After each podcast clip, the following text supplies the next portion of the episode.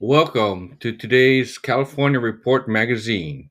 I am your reporter, Mr. Butler. Latinos make up the majority of California's youth, so today we're focusing on their challenges because their future helps shape the future of the state.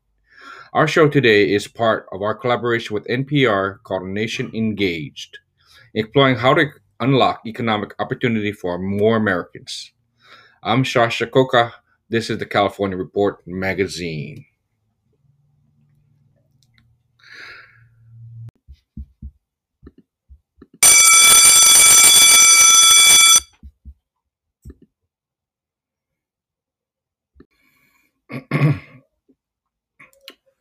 Hi, I'm your reporter. We are walking to a crowded bus stop with Rosa Mendez.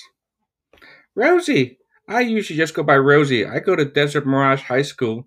I'm 16. I'm a junior. Um, well, I'm going to Mecca to the library, to the public library, because I don't have internet access at my house. It's kind of annoying to have to go there every day, every week, just to be able to do my homework.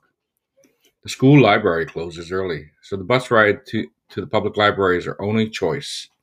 Rosie's the daughter of farm workers, and many families here rely on the bus to get groceries, go to doctor appointments, get to school. Sometimes that means